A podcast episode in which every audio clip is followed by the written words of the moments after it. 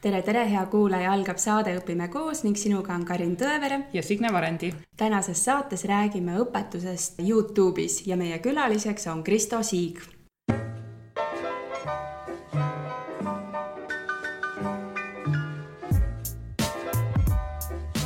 tere, Kristo tere, tere! sa oled meil nii põnev külaline, et äh, ja nii põnevad teemad on meil ees, et palun alusta algusest, kuidas sa ise jõudsid kooli, mis koolides sa käisid ja kogu oma nii-öelda teekond? mõtled nagu lapsest äh, saadik? kohe vane lapsest saadik, jah mm,? esimese klassi käisin äh, Merivälja algkoolis, kuhu ma hiljem sattusin õpetajaks. Ähm, siis Prantsuse Lütseumis kuni gümnaasiumi lõpuni, siis õppisin Tartu Ülikoolis erinevaid asju äh, ja siis Helsingi ülikoolis tegin oma magistri. ja nüüd äh, äsja lõpetasin Tallinna Ülikoolis oma teise magistri ja siis nüüd on käsil doktorantuur Tallinna Ülikoolis no nüüd sa tegid hästi lühikokkuvõtte, et ma ootasin natuke pikemalt, et mis sa näiteks Tartu Ülikoolis siis õppisid? Tartus ma õppisin arheoloogiat ühe külje pealt ja siis teise külje pealt õppisin folkloristikat, et sain mõlemas asjas kraadid Äh, ja siis äh, Helsingisse läksin edasi õppima arheoloogiat. siis vahepeal oli, äh, olin õpetaja ja siis tundsin, et on tarkust jälle juurde vaja, siis läksin Tallinna Ülikooli haridustehnoloogiat õppima. lõpetasin selle nüüd ära ja, ja nüüd olen siis Tallinna Ülikoolis ajaloo doktorantuuris, aga noh, sisuliselt õpin seal või tegelen arheoloogiaga, et see on minu siis doktoritöö teemaks kus sa vahepeal õpetasid? Äh, õpetasingi Merivälja koolis, kus ma olin ise kunagi esimeses klassis õppinud. õpetasin seal siis äh, ajalugu äh, viiendale kuni kaheksandale klassile. aga kuidas sa sinna sattusid õpetajaks, et? see oligi selline natukene juhuslik mõnes mõttes, sest tulin sealt Helsingist tagasi ja mõtlesin, et mis ma siis peale hakkan, ma olin natukene selleks hetkeks kuidagi tüdinud sellest teaduse maailmast ja, ja tundsin, et ma olen liiga nii-öelda elevandiluutornis olnud või kuidagi äh, reaalse elu eest ennast nagu peitnud. Äh, mõtlesin, et äh, tahaks kuidagi päris asja teha vahepeal ja, ja olla kuidagi ühiskonnale kasulik ja siis juhtumisi sain teada, et mul äh, õde, kes õppiski sellel hetkel äh, Merivälja koolis, tema ütles, et otsitakse ajalooõpetajat, et neil kool nii-öelda kasvas kuueklassilisest, hakati arendama üheksaklassiliseks. ja probleem oli selles, et siis alguses ei olnud kuskilt seda õpetajat võtta, eriti noh, et väikse koormusega ja, ja siis seda ajalooõpetaja rolli täitsid klassiõpetajad, kellel ei olnud jällegi ainealaseid teadmisi ja, ja siis, kui, kui nemad seal omakorda said teada, et on olemas selline inimene, kes tuleb just Helsingist tagasi, ei tea, mida oma eluga peale hakata ja kes võiks justkui ajalooõpetajaks hakata. siis, siis mind kutsuti töövestlusele ja, ja siis vaatasid, et, et proovime selle tüübiga. ja, ja siis ma niimoodi hakkasingi ja, ja olin kaks aastat seal. Ja milline see reaalsus Merivälja koolis siis oli õpetajana? mis sind seal ees ootas? ees ootas, ma arvan, et üsna selline tavaline Eesti kool. minu jaoks see oli väga põnev äh, aeg selles mõttes äh, õppida, noh, mitte et teised ajad ei oleks põnevad, aga lihtsalt. Äh, et ma sain, ma tundsin, et ma ise õppisin selle aja jooksul väga palju ja mulle anti selles mõttes küllalt palju ikkagi vabadust, et keegi keegi ei tulnud mind õpetama või kontrollima, kuidas, kuidas teha mille noh, võib-olla mõnes mõttes miinuseks oli see, et ma leiutasin kõik ise, aga, aga heaks küljeks oli jah see, et ma tundsin, et ma ei nii-öelda vastutan ainult enda ees selles mõttes, et, et, et sean endale ise eesmärgid ja üritan nende poole püüelda ja teha seda asja nii hästi, kui ma oskan ja teadvustades endale, et ma ei olnud seda õppinud, selles mõttes vähemalt seda õpetaja poolt, et jah, niimoodi kuidagi see asi läks. ja missugune õpetaja sa siis olid? Noh, õpilased iseloomustasid mind üldiselt, kui olid mingid sellised, mingeid kaarte tehti õpetajatele midagi, siis äh, seal olid läbivalt sellised omadussõnad nagu äh, viisakas, rahulik ja lahe.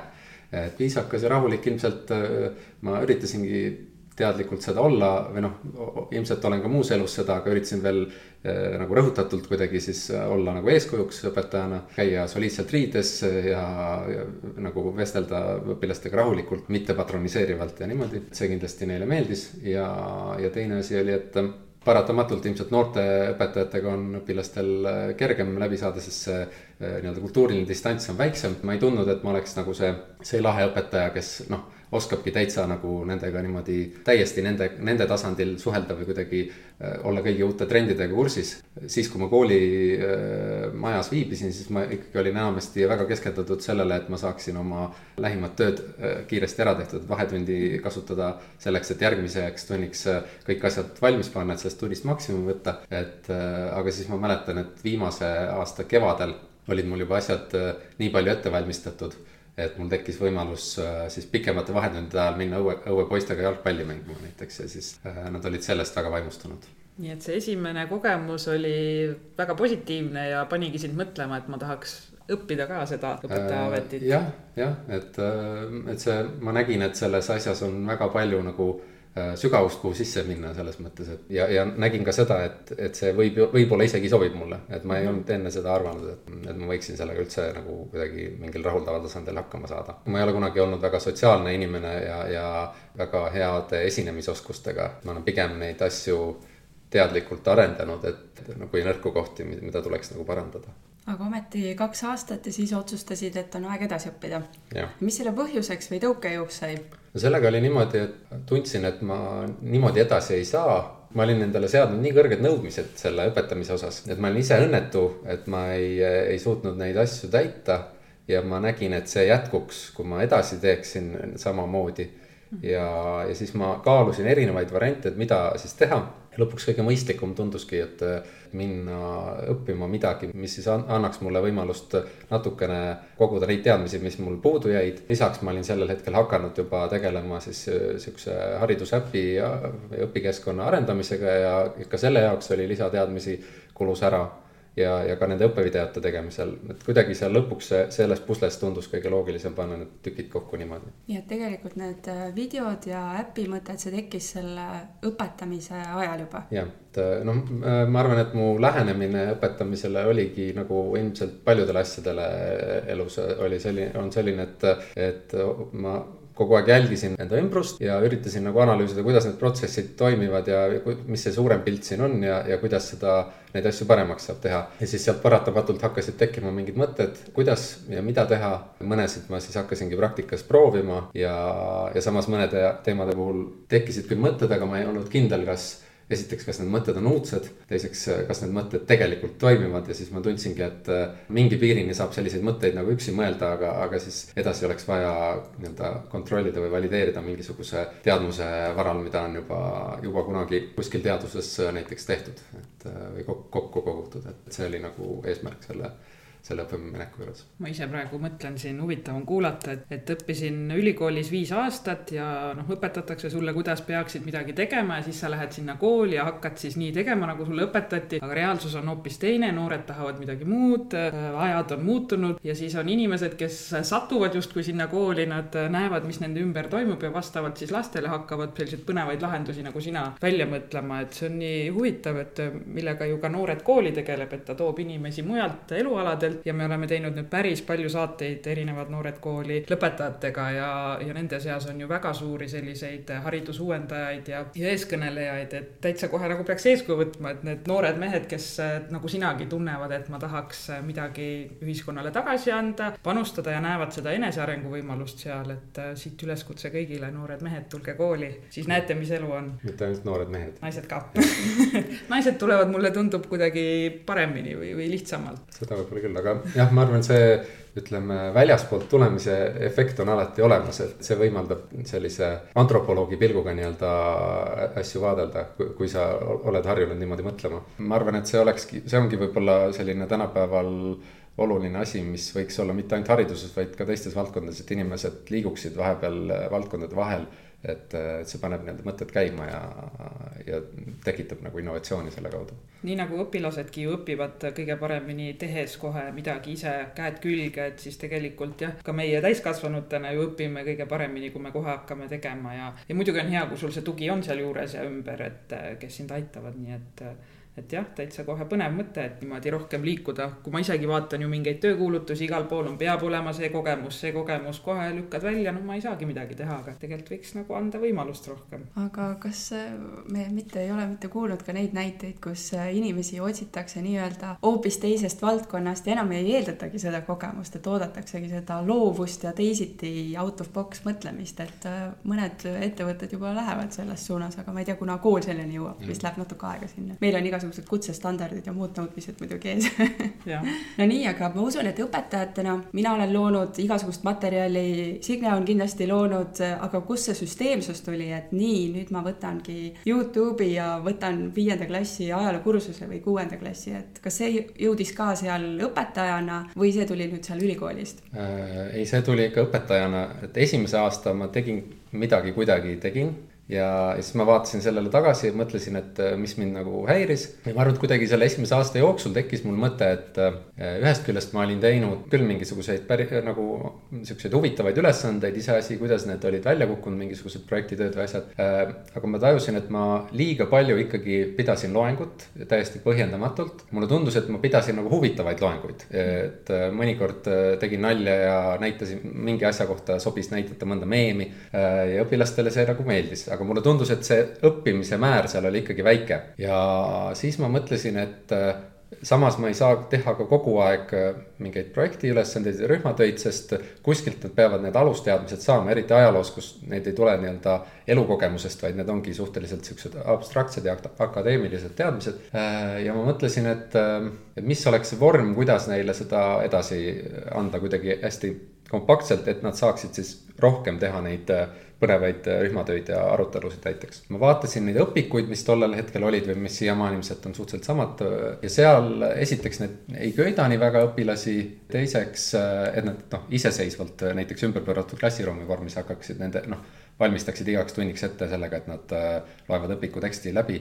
ja mis võib-olla veel olulisem, et tek, õppetekstid seal ei, ei võimalda niimoodi hoobilt sellest teemast iseseisvalt aru saada, et mul on tunne, et tihtilugu see õpiku tekst eeldab, et õpetaja peab nii-öelda tõlkima selle õpilaste keelde. minu meelest see on täiesti tarbetu nii-öelda vaheetapp ja siis ma võtsingi šnitti asjadest, mis mulle endale väga meeldisid.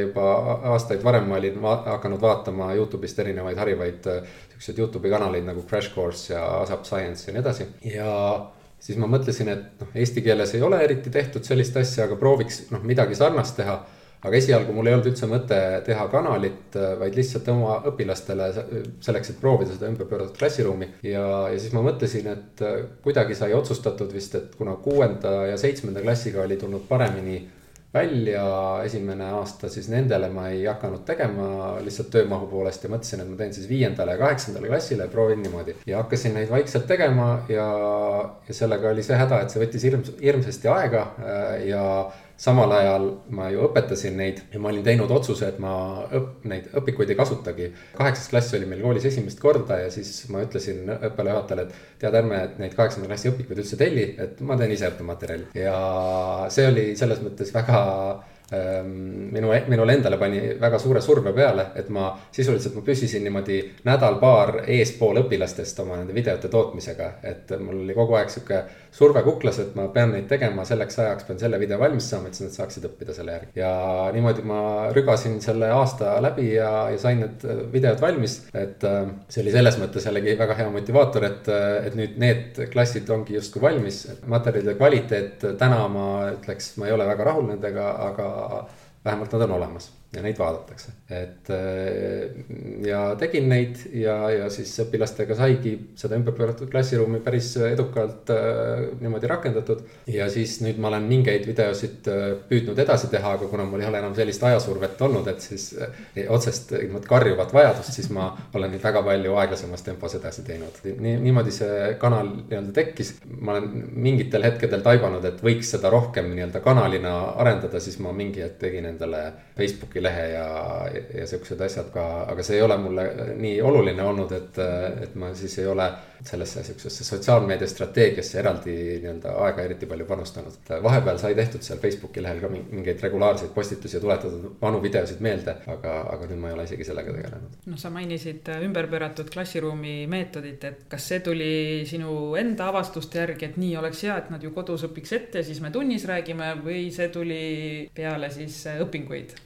Ei, see tuli ikka, ma, ma olin sellest lugenud juba enne, kui ma õpetajaks hakkasin. Mm see tundus mulle kuidagi intuitiivselt hästi mm -hmm. normaalne ja loogiline. ja siis ma mõtlesingi, et see on juba, peaks olema juba tänapäeval Eesti koolis umbes selline tavaline, aga siis ma vaatasin, et tegelikult ei ole mm. -hmm. aga siis ma mõtlesin, et see kõlab nii loogiliselt, et no proovime siis, et ja ma arvan, et see on tegelikult äh, suuresti kättevõtmise asi. ma arvan, et seda saaks tavaliste nii-öelda paberiste õpikutega teha, et selleks ei pea videod olema, et seda tasuks kindlasti proovida. aga oluline on seal jah, muidugi see, et kuidas selgitada õpilastele, mis see vahe on nende asjade vahel, miks seda tehakse, kuidagi leida, leida see sihuke dünaamika, et nad tõesti kodus valmistaksid ette, et muidu sellest tõesti et seal on see oht, et sellest ei ole muidu väga palju kasu, kui, kui õpilane tuleb tundi ette valmistamata ja õpetaja hakkab juba mingisuguse sellele teadmisele toetuva tegevusega peale. aga kuidas sinu enda kogemus oli, et õpilased vaatasid neid, kas sa kuidagi kontrollisid seda statistika järgi või, või et...? mul oli esialgu sihuke väga madaltehnoloogiline lahendus, ma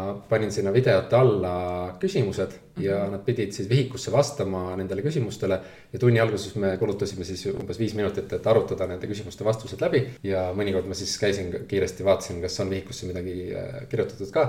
ja mõnikord andsin siis pikema perioodi peale veel nende vastuste peale tagasisidet ütleme nii, et ma mäletan, et viienda klassiga läks sellega väga hästi, et nad olid sellised väga tublid ja kohusetundlikud ja, ja selles mõttes nendega see toimis imehästi mäletan, et pärast, kui käisime nendega veel mingitel muuseumi ekskursioonidel, siis äh, giidid olid imestunud, et nad juba teavad kõiki asju, mida nad plaanisid neile rääkida. ka kaheksanda klassiga oli, oli tunda, et väga erinevalt nii-öelda pool klassi, kes vaatas neid videosid ja kes olid väga hästi valmistunud ja, ja pool klassi, kes ei vaadanud. seal ma ei osanud väga tegeleda sellega, et kuidas lahendada ära see olukord selle ülejäänud poole klassiga. no kui oleks olnud valik, et äh, loe peatükk see ja see või vaata see video, et oleks motiveerinud või oleks seis suht sama? põhimõtteliselt oleks igal juhul hea selline valik, aga see eeldab muidugi jah, et need videod ja õpik peaks moodustama mingi ühtse komplekti mm enam-vähem. minu puhul ma kaalusin, mismoodi nende videote teemade jaotust näiteks teha ja lõppkokkuvõttes ma ei teinud õpiku järgi ja ma ei teinud ka selles mõttes oma ideaali järgi, et kuidas ma arvaks, et üldse peaks ajalugu õpetama, sest see oleks juba täiesti õppekavaga väga vastuollu läinud. et siis ma tegin mingisuguse kompromisslahenduse, kus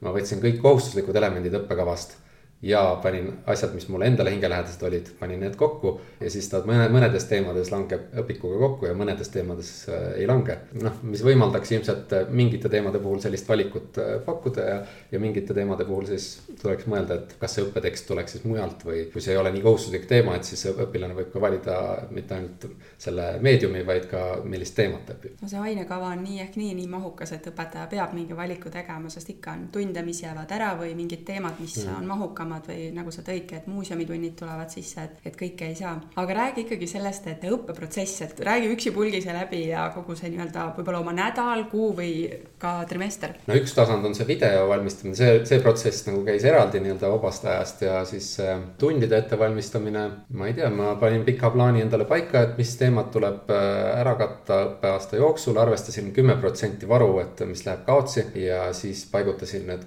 nendele kuupäevadele nii-öelda ära enam-vähem paindlikult tegelikult kuidagi äh, arvestasin, et kontrolltööde ja kordamiste varu ja, ja sellised asjad. siis lihtsalt mõtlesin, kogusin kuskilt ideid, millist, ütleme sellist siis kas mingit projektiülesannet või või asja kasutada, mis teema puhul. lappasin natuke õpikuid, et võib-olla seal oli mõni hea ülesanne või, või mõni hea alliktekst näiteks. ja, ja niimoodi panin selle kokku. teisel aastal ma juba enam-vähem koostasin mingeid töökava moodi asju ka, et esimesel aastal oli mingi täielik kaootiline süsteem, et selles mõttes õppisin sellest, et, need teise aasta materjalid, neid ma olen isegi mõne õpetajaga jaganud, et, et need on enam-vähem taaskasutuskõlblikud kuna sul oli see ümber pööratud klassiruum juba täiesti uudne asi ja juba see video, eks ju, et, et sa toodki midagi täiesti uut, kas see tagasisidestamine ja võib-olla ka reflekteerimine, et kas see kuidagi oli ka, on ka midagi teisiti, kui näiteks sinu kooli ajal tehti? ma tegin teisel aastal siis eelteadmiste testi kõigile klassidele ja siis sama testi õppeaasta lõpus. ja siis ma näitasin neile neid, neid tulemusi ka, et kellel kõver kuhu suunas oli ja, ja sellist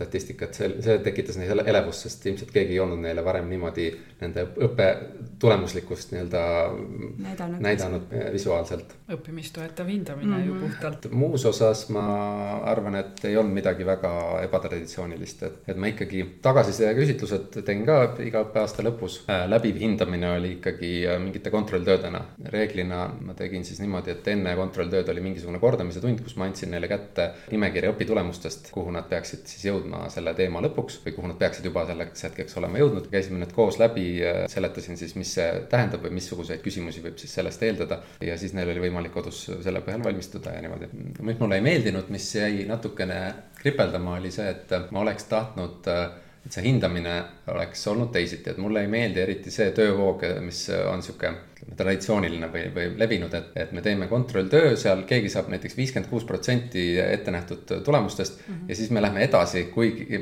ja see, mis järgmisena toimuma hakkab, see toetub sellele, mida ta, millest ta teadis ainult viiskümmend kuus protsenti. ma näen selles nagu probleemi, minu meelest mõistlikum oleks see selline lahendus, mida Benjamin Bloom kunagi pakkus välja, meisterlikkuseni õppimine või mastery learning. iga õppija õpib nii kaua, kuni tal tarvis on, et jõuda selle teema õpitulemusteni sajaprotsendiliselt või, või noh, ütleme vähemalt üheksakümmend protsenti ja siis ta läheb edasi järgmise teema juurde. selleks, et seda täielikult äh, rakendada, äh, oleks vaja koolisüsteemi juba ümber struktureerida. Äh, aga ma arvan, et mingeid elemente sellest kindlasti saaks kasutusele võtta, et, et kui ma ise nüüd peaksin millalgi uuesti õpetama minema, et siis sellega tahaksin kindlasti tegeleda. kasvõi jätta varu siis pärast kontrolltööd näiteks kaks tundi, et kui ma saangi sealt teada, et mingid õppijad ei ole ikkagi üldse seda teemat omandanud, et siis on tegelikult aega neil neid vigu parandada ja nendele personaalset tähelepanu pöörata. et just, et see, selle vigade parandusega peaks rohkem tegelema, et see ei oleks niimoodi, et õpetaja parandab kontrolltöö ära ja kulutab sinna meeletut aega ja kirjutab veel äh, mingisuguseid märkmeid, et mida peaks edaspidi tegema. ja siis, äh, siis ta näeb pärast tundi klassist lahkudes, et äh, kõik need kontrolltööd on seal prügikastis ilusti kägaras mm. suunata see õpilane ikkagi uuesti protsessima seda ja, ja jõudma selle tulemuseni, see oleks, oleks oluline asi, millega tahaks ja. tegeleda. no õpetajad ka ju suunavad, aga tihti ongi stuudiumisse pannakse lause õpi veel või tee see endale selgeks, aga nüüd jätta see ainult siis selle lapse enda teha seal kodus, see nüüd siis noh, et kui ei toiminud see juba õpetajaga koos, et kuidas ta ta siis nüüd üksinda saab ja. seal selle endale selgeks tehtud, et rohkem aega jah, nendele tegemata jäänud või, või omandamata jäänud teadmiste. ja see on minu meelest, see on väga õige mõte ja minu meelest õpetajad peaksidki selle mõttes, et juba nii-öelda taskusse pistma, et oma töö, mis sa oled sinna pannud, need kommentaarid, et nendega ongi ju hea edasi minna ja aidata neid järgi, et olekski see õppijakeskne lähenemine. Aga kui sa nüüd läheksid kooli ja teeksid seda, et reaalselt sul ongi nüüd see võimalus nende väikeste viiekümne kuue protsendilistega tegeleda seal, et mis sa nende üheksakümne protsendilistele siis annaksid, mõtleksid mingi video välja ja laiendaksid nende teadmisi või? ma arvan, et jah, mingid, mingid lisaülesanded, mis nii-öelda jah, mis ei ole nii-öelda sellest põhitöövoost osa, vaid mis on võimalused nii-öelda sellest välja minna kuidagi mingi teema osas sügavuti. kas see motiveeriks neid mm, siis esimesel pruugi, korral juba õppida? ei pruugi, äh, aga noh, see peakski olema selles mõttes siis äh, võimalikult äh, midagi sellist huvitavat, mis ei, mis ongi selline kerge hingetõmbepaus või, või mingisugune preemia. pigem mingisugune loovülesanne, mille puhul ei ole mingit eesmärki, milleni ta peab jõudma, vaid äh, pigem tal on võimalusi seda erinevalt lahendada. no kuidas nüüd nende videotega on, et kõigile ju jah, ei sobi see video, aga samas ma sain aru, et poolele klassile ikkagi väga meeldis see video, et kas sa üritasid ka kuidagi siis nende õpilastega arvestada või noh, nende arvamusi kaasata ja natuke teha rohkem nende pära tahaks neid videoid või, või ajasid ikka sellist oma rada, et minu stiil ja, ja mina teen nii? mul enda õpilaste seas võib-olla mõni üksik oli, kes äh, midagi ütles, et ta, ta oleks eelistanud õpikut. pigem need, kes ei vaadanud, nendel oli lihtsalt see, et nad ei vaadanud mm. -hmm. küll aga jah, ma olen siit-sealt kuulnud, et selles mõttes on küll selliseid õppijaid, kellele ikkagi meeldiks pigem äh, teksti kujul. iseenesest mul on need stsenaariumid olemas, et, et sellesama video teksti kohendamine niimoodi, et see oleks enam-vähem selline loetav õpikutekst, et see ei oleks mulle üldse keeruline. et saakski teha siukse paralleelõpiku nii-öelda sellel, et siis, siis oleks ka võimalik äh, niimoodi vastu tulla erinevatele õppijatele jah, ja kohe siit ju valikuvõimalus siis olemas ja loodetavasti ja. saab rohkem õpilasi kaasata siis. aga mis sa ise näed, mis need eelised on peale selle, et see on nüüd üks valik, et äh, mis need eelised õppijale oleks? üks sihuke lihtne eelis on, mida ilmselt osataks kohe välja tuua, on see, et tänapäeva noor sisuliselt elab Youtube'is, see on temale tuttav formaat, et sellega on kerge tema huvi köita. aga ma ütleksin, et see eelis on nüüd nii ja naa, sellepärast et see on selline, põhineb suuresti sellel uudsuse efektil, et kui üks õpetaja seda teeb, siis see on hirmus uudne ja õpilastele väga meeldib ja neil on motivatsioon tõuseb selle võrra aga kui nüüd me kujutame olukorda, kus kõik hakkaksid seda tegema, siis mingil hetkel see uudsuse-efekt kaob ära ja, ja siis summaarselt tegelikult ei lähe midagi paremaks. aga ma arvan, et seal on olemas ka päris eelis ja selles, et paljusid asju on võimalik video kujul ähm, oluliselt kiiremini, ökonoomsemalt seletada. Ühesõnaga, üks asi on siis äh, igasugused animatsioonid, et mida on võimalik visuaalselt väga keerulist protsessi või suhete äh, kompleksi on võimalik näidata visuaalselt väga kiiresti ja, ja arusaadavalt. ja teine asi on see, et ähm, vähemalt sellise rääkiva pea formaadis video puhul see on, ütleme, kõige lähedasem või üsna lähedane siis sihukesele vestlusele ja tegelikult meie inimese aju ju evolutsiooniliselt on ilmselt ikkagi arenenud äh, näost näkku suhtluseks et äh, kirja lugemine on äh, selline noh, vägagi õpitud oskus ja selle tõttu seda informatsiooni on meil ajul oluliselt raskem töödelda. see võtab rohkem aega ja, ja selle tõttu ma arvan, et see on nagu video eelis, et, et saab kiiremini seda informatsiooni edastada. selle mündil on ka teine külg selles suhtes, et, et seal on see oht kirjaoskuse eelis jällegi on see, et see nõu-, sunnib meid pingutama Äh, aju ja, ja kui me üldse aju ei pingutaks, siis, siis selles mõttes meie kirjaoskus nõrgeneks ja ilmselt ka üldine võib-olla mõtlemisvõime. Nende videotega tuleks kindlasti piiri pidada mm. -hmm päris palju on ka matemaatika videoid igasuguseid ja vot seal on minu jaoks hästi suur eelis seesama võimalus vajutada paus, stopp nupp korraks, kerida tagasi uuesti. ma ei pea ainult nagu tunnis on ju õpetaja võib-olla ükskord seletab ja kõik ja siis edasi pead ise lugema, vaid et saad kasvõi kümme korda uuesti üle vaadata, endale selgeks teha. mina õppijana kooli ajal tundsin just nagu sellest puudust, et see... siin ja praegu, see on minu võimalus, kui õpetaja seletab ja siis olen üksi, pead nagu ise hakkama saama. aga sa on... nagu tuled koju kaasa see on äh, hästi oluline jah, et ähm, see on üks oht, mis on videotega, et sellega võib kaasneda sihuke ülemäärane kognitiivne koormus, kuna sealt informatsiooni tuleb kogu aeg peale mm. -hmm. ja ütleme, kõige kehvem variant, kuidas videotega õpetada, on kindlasti see, kui äh, panna kogu klassile ühest allikast see video mängima äh, ja mängida kogu kümneminutiline video näiteks ära. ma tean, et minu videotega tehakse seda. Et ma soovitan, kes kuulavad, proovige mõnda muud varianti ma kohe räägin, milliseid variante. et mis on selle probleem, on jah, et õpetaja, õppijal puudub kontroll selle üle, tavaliselt ka klassis kõik see akustika ja, ja üldine miljöö ei toeta seda, et ta saaks keskenduda. kõige lihtsam äh, alternatiiv siis oleks see, et õpetaja teeb näiteks pause iga, ma ei tea, kahe minuti tagant ja arutletakse koos, mida nähti ja kuidas sellest aru saadi.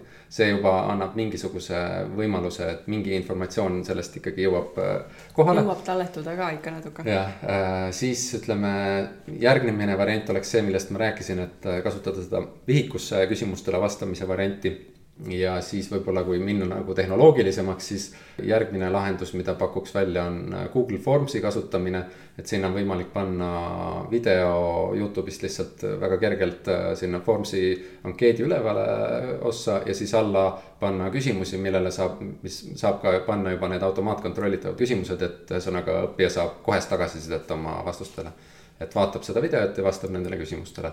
ja siis on veel, on hulk erinevaid äppe, mille koondnimetus on äh, interactive video, mis on siis sellised, et kus sa võtad video ja sul on hästi mugavalt võimalik äh, panna teatud hetkedele seal videos mingisugused küsimuse kohad ja näha seda analüütikat sealt ja, ja nii edasi ja, ja nüüd see õpirakendus, mida ma ise siin sõpradega koos arendan, et selle nimi on Master ja see ka tegelikult äh, liigub selles samas suunas, aga üritab sinna veel ühe tasandi juurde tuua, et, et lisaks nendele küsimustele selle jupi kohta, mis õppija näiteks just vaatas, et siis ta peab vastama aeg-ajalt kordamisküsimustele varasemate asjade kohta. Mhm. et veel rohkem suunata teda, tema aju seda informatsiooni töötlema ja parandada neid võimalusi, et talle võiks midagi sealt meelde jääda. aga eelkõige su videod olid mõeldud, et kodus vaadata on ju üks-ühele, et mitte ja, niimoodi just, auditooriumis ja, kogu klassile ja, korraga. et nii nagu noored ju Youtube'i ka tarbivad, et ikkagi oma mobiiltelefonis või, või arvutis.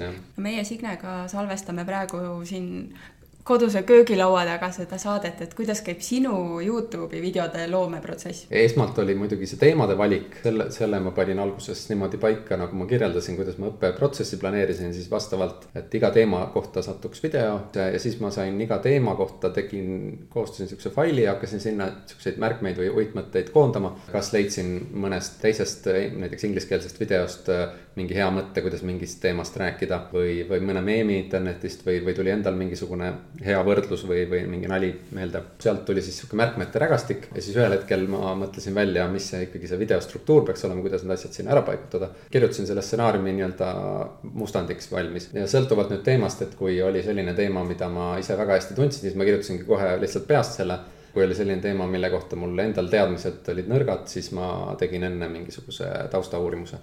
ja siis panin niimoodi kokku, mõne aja pärast lugesin üle, leidsin sellise aja, kus ma sain olla kodus vaikselt üksi, sain oma tehnika üles panna. siis, kui ma õpetajana töötasin, siis mul oli vaja seda nii tihti teha, et enamasti ma tegin seda öösel, kui pere magas. siis ma panin tehnika ülesse, panin puudrit natuke näkku ja siis võtsin oma kaamera ja panin sinna ette siukse teleprompteri.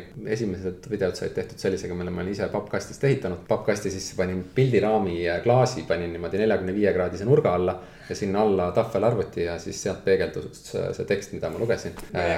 ja siis kaamera oli siis, läks august sinna pappkasti sisse ja siis hakkasin filmima, filmisin. küsin siia vahepeale, kas selle mõtte sa täiesti mõtlesid ise välja või ka said Youtube'ist, et kuidas seda jah, teha? kuskilt internetist ma leidsin, et niimoodi saab teha ja siis ma lihtsalt tegin ma hakkasin filmima, hakkasin järjest seda teksti lugema. kui mulle tundus, et midagi läks valesti või ei olnud piisavalt hästi loetud, siis ma kerisin üles natukene ja lugesin uuesti. ma tegin tavaliselt mingi kolm videot korraga, sest see tehnika ülespanemine oli nii äh, keeruline, ebamõistlikult ajakulukas. siis ma lõikasin need videod nii-öelda puhtaks ja siis ma hakkasin sinna peale panema neid illustratsioone ja, ja animatsioone. Neid animatsioone ma tegin ta, äh, tavaliselt PowerPointi programmiga, et seal sees need animatsioonid võimaldasid sellist Äh, asja, et äh, noh, siukseid väga lihtsaid animatsioone, aga, aga midagi sellega sai teha. siis renderdasin ära ja panin Youtube'i üles. ja nende meemide leidmine, piltmaterjali leidmine on ka väga ajakulukas. jah, ütleme, et ma arvan, et see oli sealt äh, kõige suurem ajakulu, aga mul arenes välja sihukene spetsiifiline vilumus selles osas ja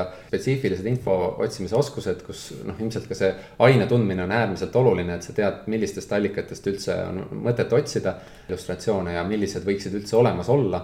et äh, see on, ütleme, see töölõik, mida mul oleks väga raske kellelegi teisele äh, anda, et kõik teised asjad, ma arvan, oleks väga tore, kui, kui keegi teeks minu enda eest ära, aga ma ei kujuta ette, kuidas ma seda noh, no võib-olla jah, see stsenaariumi kirjutamine on ka päris selline spetsiifiline võib-olla et kuidas seda nagu teha nii, et see oleks minu põhimõtete järgi mm. -hmm. aga, aga kindlasti jah, see visuaalide otsimine, et kindlasti kellelgi teisel läheks äh, sellesama tulemuse saavutamiseks oluliselt mm -hmm. rohkem aega, aga kuidagi see jah, töö käigus see vilumus arenes ja. aga kui ma olen pidanud mõtlema, et kuidas kellelegi teisele seda õpetada, siis see on päris keeruline mina meemidest väga palju ei tea, ma kunagi jälgisin aeg-ajalt sellist lehte nagu Nine Gag, see oli ainuke koht, kus ma neid meeme nägin, üksinda vaatasin, naersin, et noh, oli oli väga naljakas, väga lahe, aga kuidas sina sinna maailma sattusid või oled kursis nendega, kas need meemid ka aeguvad või on, on asjad, mis on aegumatud? jah, mina olen ka, ütleme, see põlvkond ilmselt, kes Nine Gag'i vaatas, sealt edasi mingisuguseid asju ma Facebookist äh, näen, aga aga mul on tunne, et ma ei ole nagu alati kõige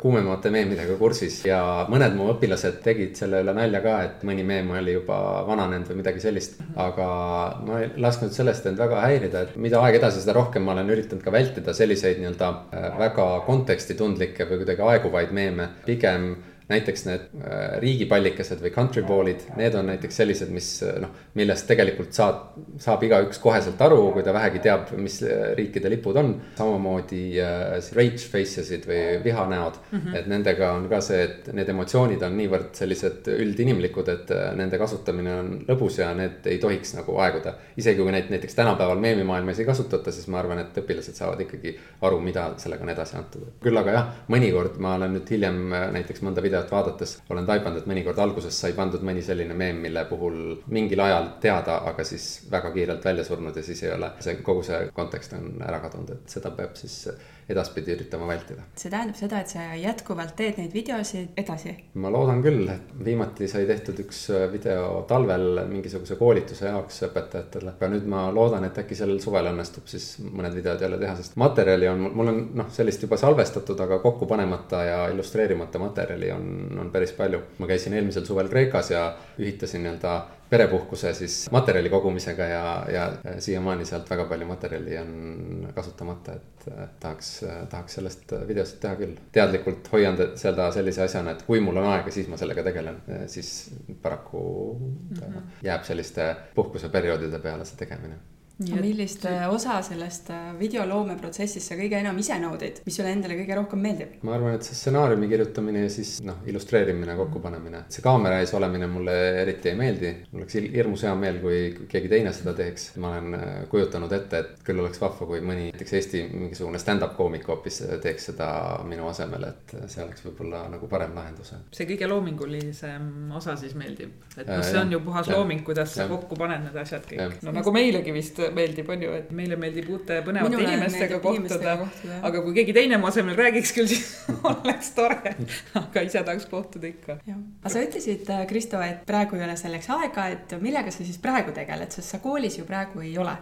ma olen äh, sihukene hunt kriimsilm, et äh, esiteks võib vist öelda siis kõige lihtsam arusaadavam on, et ma olen ajaloo doktorant Tallinna Ülikoolis, tegelen oma doktoritööga siis tegelen selle haridusäpi äh, arendamisega ja mõningase ettevõtlustegevusega veel.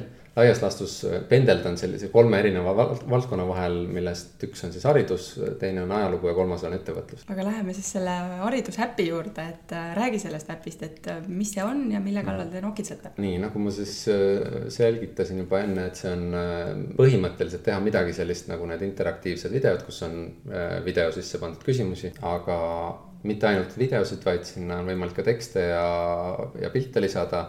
et ühesõnaga teha siukseid multimeedia ülesandeid, kus vahepeal on äh, siuksed kontrollküsimused. Äh, oluline komponent on siis just see, et juba läbitud etappidest küsitakse kordamisküsimusi õppijalt, et kinnistada veelgi seda õpitut. et ühesõnaga see, see protsess, kus ta tutvub selle teema mingi põhialustega, kas teksti või video kujul, äh, vahet pole see protsess oleks nii-öelda meeldejäämise seisukohast maksimaalselt efektiivne. kirjutasin sellest ka oma magistritöö ja sidusin seal siis äh, sellise äh, mõistega nagu hajutatud kordamine või spaced repetition, mis on siis kognitiivpsühholoogiast äh, teadaolev selline väga kasulik põhimõte, mida kahjuks hariduses üsna vähe rakendatakse. kordamine peakski olema selline nagu süsteemne õppeprotsessis ja toimuma nii-öelda hajutatult läbi kogu selle protsessi, et, et siis ta annab kõige paremaid tulemusi.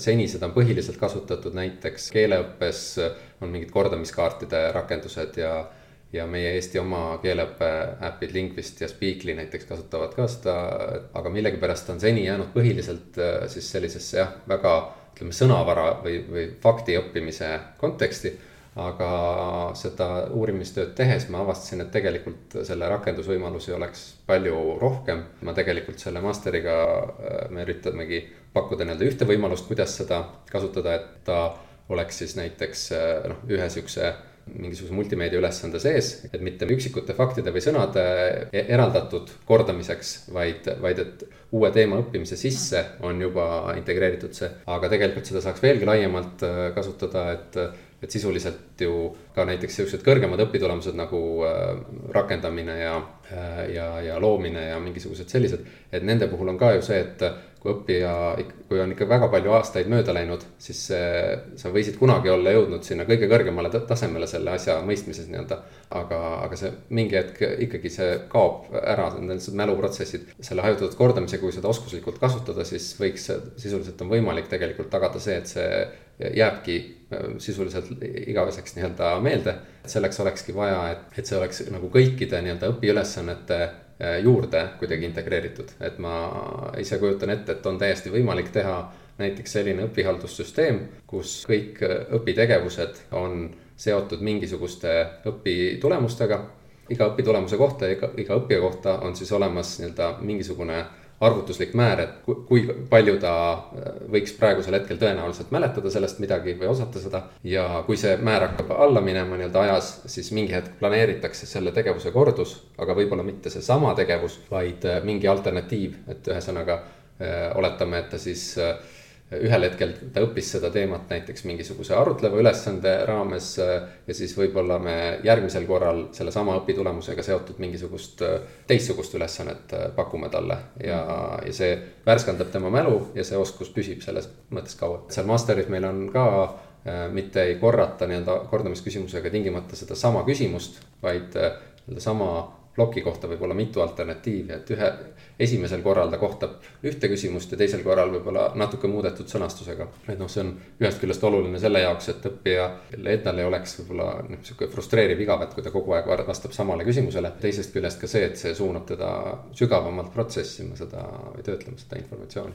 aga see äpp on nüüd, tõstan käed ja annan alla selles mõttes, et võib-olla jumala rumal küsimus on ju, aga et kellele ta suunatud on ja kas ta on siis nagu ajalooga seotud või ükskõik kuidas? Masteri on põhimõtteliselt kõikide ainete õpetamiseks, et kuna ma ise olen kogu aeg ajalugu õpetanud, siis ma lihtsalt olen sinna natukene teinud äh, oma videote põhjal siukseid ajaloo õppimiseks materjale. ja eks ta ilmselt sobib äh, hästi selliste teemade õppimiseks, kus on, äh, mis on siuksed abstraktsemad või akadeemilisemad. ja ilmselt matemaatika näiteks jällegi ka hästi ei sobi, sest seal oleks pigem matemaatika jaoks on just seda ülesannete lahendamise asja vaja, mida on noh, milleks on vaja kas mingit erikeskkonda või, või on seda üldse parem vihikus teha.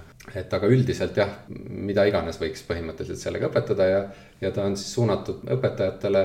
mina ise olen seda kujutanud ette, et see võiks olla ümberpööratud klassiruumi jaoks hea tööriist, aga põhimõtteliselt seda saab kasutada ka teisel moel, et näiteks magistritöös mul põhiliselt õpetajad, kes seda kasutasid, siis nad ikkagi kasutasid tundides, andsid õpet-, õpilastele tunnis selle ülesande arvutis teha või, või nutiseadmes. et niimoodi toimub ka, seal lihtsalt tekkis natukene erinev see ajakulu, et mõnedel oli hästi kiirelt said valmis ja mõnedel kulus väga palju aega. kuna see on üsna minimalistlikus versioonis veel, et äh, arendame seda ka niimoodi vabast ajast, nagu ma neid videosid teen, siis see protsess on väga pikk ja me sellepärast seda kuskil avalikult ei levita, aga, aga kui kuulajatest kellelgi on äh, huvi äh, sellist äh, rakendust proovida, et, et siis võib mulle, mind üles otsida ja mulle märku anda, et testida anname praegu küll ja, ja põhimõtteliselt õpila-, õpetajad on juba seda oma klasside peal kasutanud, et võib julgelt ligi astuda ja avaldada oma huvi. kas see on platvorm, kuhu õpetaja ise loob siis sisu või on teie pakute juba mingit valmis sisu, sinu ajaloo videod, asjad?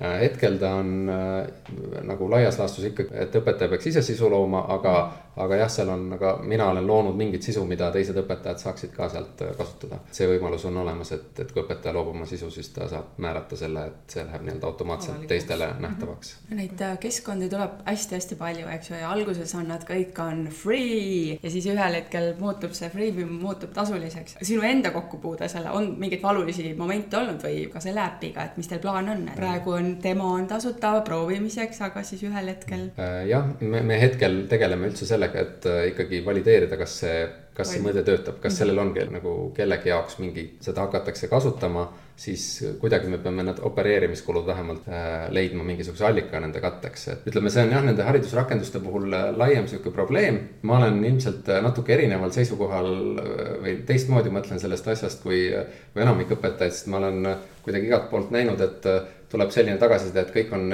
hirmus kuidagi pahased, et, et on tasulised asjad. ja minu meelest seda peaks lahendama teistmoodi, noh, selles ei ole süüdi mitte õpetajad, vaid kuidagi riik peaks selle asja peale teistmoodi vaatama, et, et ma olen põhimõtteliselt vastu sellele, et meil on näiteks e-koolid ja mingid sellised asjad on hangitud äh, nii-öelda riigihanke korras. et palju mõistlikum süsteem oleks samamoodi nagu õpikute ostmiseks oli koolidel mingisugune sihtraha et äh, peaks olema koolidel võimalus, et, äh, et nad saavad vabalt osta erinevaid digivahendite litsentse, olgu need digitaalsed õppematerjalid või mingisugused loomise tööriistad. ise otsustavad, mida neil on vaja ja see looks teatud mõttes siis sihukese turu haridustehnoloogilistele vahenditele.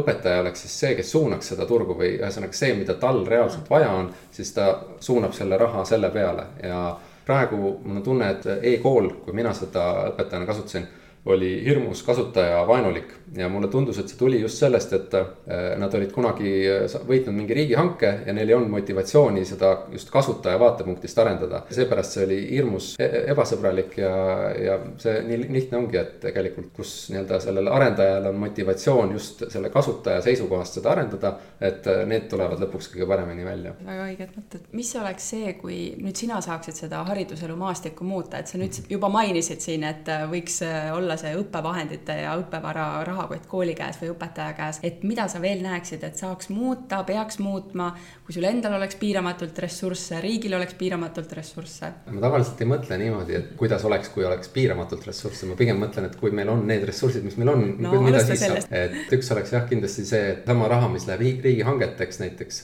Opik ja e-kool selle eest tekitada siis see sihtraha. teine niisugune võib-olla konkreetsem asi on see, et mul on tunne, et õpiku formaat tuleks veel kord ümber mõtestada, et see, mida tehakse praegu digiõpikute liinis, et see on iseenesest tore, aga mul on tunne, et et üks aste ümbermõtestamisest on ikka veel puudu. mulle tundub, et on suhteliselt ikkagi paratamatus, et väga suur õpetajate osa äh, toetub õpikule, kui nad äh, õpetavad ja noh, see on nagu on äh, ja mina võtaks seda paratamatusena ja mõtleks, et kuidas me saaksime selle, selle, et kui see on see tugiraam, mille nad on harjunud toetama, kuidas me selle saaksime disainida niimoodi paremaks, et nad selle abil siis annaksid nii-öelda paremat ja õppijakesksemat haridust. praegu mul on tunne, et üritatakse neid õpetajaid nagu kuidagi pommitada igasuguste asjadega, et nad sellest õpikust kuidagi eemale tuleksid ja te ise mõtleksid hullult välja igasuguseid asju, mida teha aga mul on tunne, et me ei saa neilt nõuda nii palju, et, et inimeste aeg on ikkagi piiratud. et mõttekam oleks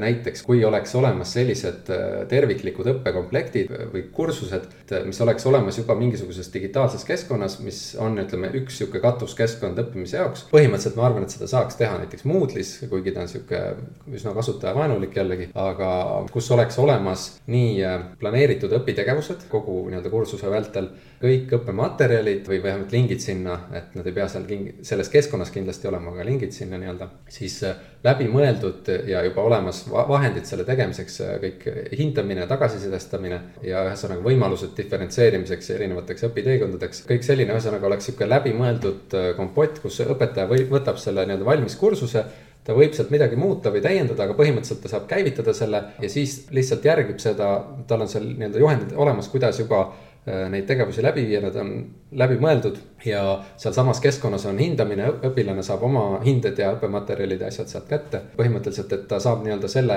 valmis paketi järgi äh, õpetada ja siis äh, tal jääks sisuliselt väga suur osa ajast, mis tal seni kuulub, kulub mingite muude tegevuste peale, see jääks üle selleks, et rohkem pöörata tähelepanu siis sellele sihukesele tagasisidestamisele ja, ja õppija arengu juhtimisele ja, ja nende motiveerimisele. et mulle tundub, et siis on see kuidagi realistlik plaan teha neid asju, mida praegu haridussüsteem nagu õpetajatelt eeldab. ja loomulikult alati on võimalus, et kui on tõesti tubli õpetaja, tal, talle ei meeldi see komplekt, ta võib teha sellest oma versiooni või siis teha täiesti uuesti, uue asja. et see ei tohiks mingil juhul kohustuslik olla, et õppekava olgu kohustuslik, aga siis see samamoodi nagu õpik praegu on, on vabatahtlik, eks ole. aga lihtsalt, et, et seal oleks kõik need tegevused kuidagi õppekeskselt juba läbi mõeldud ja planeeritud, õpetajal on ainult nagu äh, nii-öelda võtmed kätte ja hakkab tegutsema. et mul on tunne, et, et selle loomine keskselt on mõttekam, kui kuidagi kaootiliselt teha erinevaid õppematerjale, mis omavahel kokku ei sobi ja mis, kus nii-öelda seda õppeprotsessi tervikuna ei ole niimoodi läbi mõeldud. aga sul on see alge olemas juba mõeldud, Youtube'i video, ajalugu, kas on mõeldav, et sa nüüd haarad külge endale veel inimesi, võib-olla seal muusikuid, kirjandused, pookida need ka, et tuleb sihuke üldõpetus ja luuagi selline keskkond, on see, on see reaalne mõte? seda keskkonda ma ei tea, et, et see oleks väga nagu ütleme, ajamahukas teha seda keskkonda, aga selliste õppematerjalide tegemine, see nagu ma ei välista, et ma mingil hetkel teen sellise prototüübi ära, et mul on nagu mingeid märkmeid juba tehtud, et oma kunagiste äh, loodud õppematerjalide siis edasiarendused, et need võiksidki mingi hetk kokku anda mingisuguse sellise asja. et mul on tunne, et praegu on ka võib-olla natuke raske seletada, mida ma selle all mõtlen, et mul kulub hirmsasti aega, et seletada, milline see asi peaks olema et lihtsam oleks võib-olla, kui oleks üks prototüüp näidata. võib-olla ma jõuan selleni mm, -hmm. ma ei tea, mõne aasta pärast. sest ma kujutan ette, et seda keskkonda, millest sa siin ideaalmudelit räägid, seda saavad luua ainult need inimesed, kes on reaalselt koolis olnud. noh, teised jäävad liiga kaugeks, eks ju. aga need õpetajad, kes koolis on, need on nii ülekoormatud, et kõik ja. ei jõua öösiti neid kaste üles panna ja, ja stsenaariume kirjutada, et lihtsalt see ajapuudus on nii suur, et kust see ressurss leida, et mis me peame tegema, et see, see uus, uus maailm ja uus kool siia luua, et võib-olla jah, kokku viia õpetajad ja siis need ägedad itimehed, sina mainisid sõna prototüüp, äpp ja kõik need asjad. Ja ometi ma ei pannud tähele, et su haridustees oleks olnud äh, itimehe siis mingid kursused või asjad, et. nüüd, käisin jah, ma arvan, no selles mõttes, et see sõnavara on imbunud ilmselt kuidagi äh, minuni, et äh, kas mingite sõprade kaudu või niimoodi ja hästi palju ilmselt oleme selle õpirakenduse arendamise käigus õppinud siis nendelt sõpradelt, kes selle, selle tehnilise poolega tegelevad, et ja nüüd ma olen iseennast vaikselt kogu aeg äh, üritanud arendada, et olen teinud neid Tartu Ülikooli programmeerimise algkursusi. mm soovitan kõigil, need on hirm, hirmus hästi tehtud ja nagu hästi äh, selles mõttes äh, mõnusad teha kuidagi, tahaksin eraldi nagu ja kiita neid. ja see on, sa räägid sellest programmeerimisest maalähedasest algab, eks ju, et äh, ma tahan siin enda poolt ka öelda, et ma olen ka läbinud selle ja mulle, mis mulle meeldib, et seal ongi see õppija keskne lähenemine, et kui mul on mingi probleem, kirjutan ja see vastus tuleb mulle, aga see ei ole vastus vastusena, vaid see on mingisugune pisikene killuke sellest, et ma jõuaksin ise selle vastuseni, et nagu väga hästi toimib, et tõesti suurepärane suurepärane. no kuule, meil on siin ju sinuga ka haridusäppide mõtteid olnud, nüüd sa oled läbinud selle. oi ei, oi jumal, see on hoopis teine tase muidugi, aga, aga algus siiski mm. -hmm. aga et sina, kuidas sa jõudsid nende inimesteni, kellega te siis koos seda haridusäppi teete? algselt see oligi niimoodi, et ma kurtsin äh, ühele sõbrale, et, mul on tunne, et sellist asja vist ei ole olemas, aga ma tahtsin nagu kontrollida ja ma guugeldasin ja päris sellist asja nagu ei leidnud. siis ma küsisin temalt, et kuule, et anna nõu, et mis märksõnadega võiks veel seda öö, äh, otsida, et ikka äkki on olemas ja siis öö, äh, otsisime, ei leidnud ta nagu tõukas mind tagant, et kuule, aga prooviks teha ja siis oli, parasjagu oli mingisugune häkaton äh, Tallinna Ülikoolis, kus oligi mingisugune äh, loomemajanduse mingisugune häkaton ja, ja siis ta pakkus välja, et kuule, lähme sinna, me mõlemad olime nagu humanitaarse või siukse, ütleme taustaga, et ei olnud nagu programmeerijad. et äkki leiame sealt kellegi, äh, sealt nagu ei leidnud, küll aga me, kui me juba sinna sattusime ja kedagi punti ei leidnud, leidsime kuidagi äh, et on olemas siuksed prototüüpimistarkvarad, kus programmeerimist ei pea oskama, aga sa saad kasutajaliidese siukse maketi valmis teha. mida disainerid äh, kasutavadki äh, selleks, et mitte hakata kohe koodi kirjutama, sest äh, enne sa pead nii-öelda läbi proovima, kas on mõtet sellist koodi kirjutada üldse, kas see idee toimib. ja siis ähm,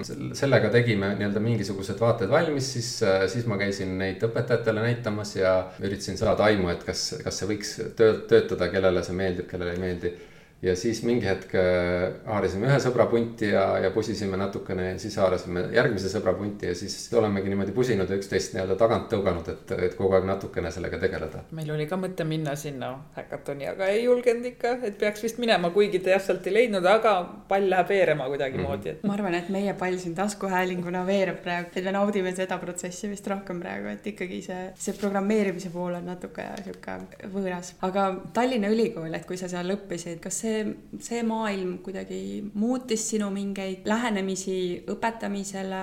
et üks on kindlasti mis ma ei olegi näinud, et väga oleks kuidagi kuskile praktikasse veel jõudnud, aga kuidagi nendest loengutest seal imbus, et minuni see mõte, et tegelikult õpihaldussüsteemidel näiteks oleks vajalik, et oleks õpitulemused äh, kuidagi eraldi mingisuguste ühikutena olemas, millega saab siduda teisi asju. mul on tunne, et sellised lahendused alles hakkavad jõudma rakendustesse ja nendel ilmselt on suurt potentsiaali, aga neil on ka päris palju probleeme, et, et just, et kuidas neid kirjeldada võimalikult universaalselt ja, ja niimoodi, et need oleks nagu leitavad ja arusaadavad ja nii edasi, et. kas seda poolt ka kuidagi sinuni jõudis või oled hakanud mõtlema, et noored ju on niigi palju nendes telefonides ja arvutites, et me nüüd siia haridusse ka seda nii palju toome, on selliseid muremõtteid ka olnud?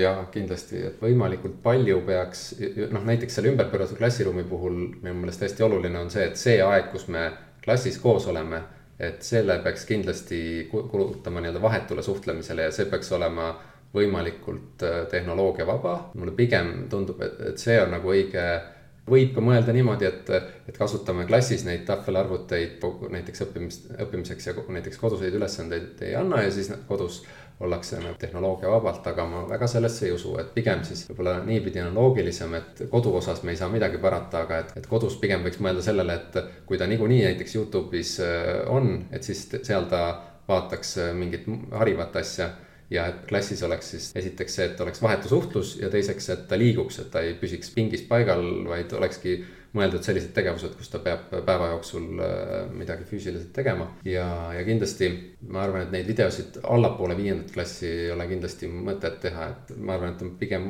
õige, kui seal ei ole väga palju koduseid töid ja, ja ühesõnaga kõik see kirjatehnika ja lugemine ja kirjutamine, see alles areneb, et kogu see videote värk, ma arvan, see on ikkagi, sobib nagu aineõpetuse jaoks võib-olla, et äh, aga jah, ma arvan, et põhimõte võiks kuidagi olla selline, et, et seda digitaalset äh, maailma võimalikult palju teadvustada selle nii-öelda ohtu, et just sellise sõltuvust tekitav asjana, et mõelda kõikide tegevuste puhul läbi, et kas selle tegevuse jaoks on, kas need äh, positiivsed küljed kaaluvad need negatiivsed üles. et äh, noh, näiteks mul on tunne, et mingite digipädevuste arendamise teema juures on hästi palju seda, et tahetakse nagu linnuke kirja sa saada, et või noh, ütleme laiemalt võib-olla, et, et digiteemadega tegeletakse nii, et, et on, on kuidagi siuksed hoogtöö korras, et, et igasse kooli mingisugune digiasi ja igas, igas nädalas mingisugune digiasi ja, ja mõtlemata selle peale, et kas see nüüd on selle jaoks kõige otstarbekam just selle konkreetse õpitegevuse või õppetulemuse jaoks kõige otstarbekam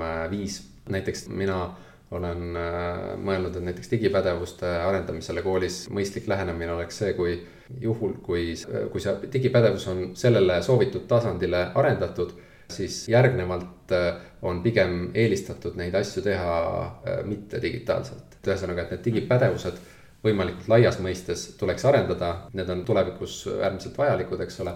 aga, aga lihtsalt niisama sellepärast äh, nutiseadmes olemine, et digi on hea, et mulle see, see ei meeldi. et kõik oleks ikka mõtestatud ja, ja tasakaalus. aga kas sul on endal plaan ka tagasi kooli minna, õpetaja ametit proovima? konkreetset plaani ei ole, aga, aga ma seda mõtet ikka aeg-ajalt mõtlen, et, et võiks ja tahaks, aga noh, eks näis, kuidas, kuidas sellega läheb sul on ennem vaja need suuremad plaanid teostada, et sul mm. oleks olemas oma kindel ja. materjal ja oma vahendid, eks ju, kuidas koolis hakkama saada. mõnikord tundub nii, jah aga mis on need õpetajaameti kõige suuremad plussid sinu jaoks, kui sa nüüd tagasi mõtled? tavaliselt need kauged ajad need on alati hästi ilusad, et sa oled nüüd õige inimene küsimaks. suvepuhkus kindlasti ja siis selle töö mitmekesisus kindlasti on üks ähm, asi, mis mulle meeldib. ma praegu seda veel nii väga ei väärtustaks, aga ma kujutan ette, et ma võiksin seda väärtustada, kui ma olen vanem, tihedam kokkupuude noorte inimestega hoiab teatud mõttes nagu kursis maailma arengutega.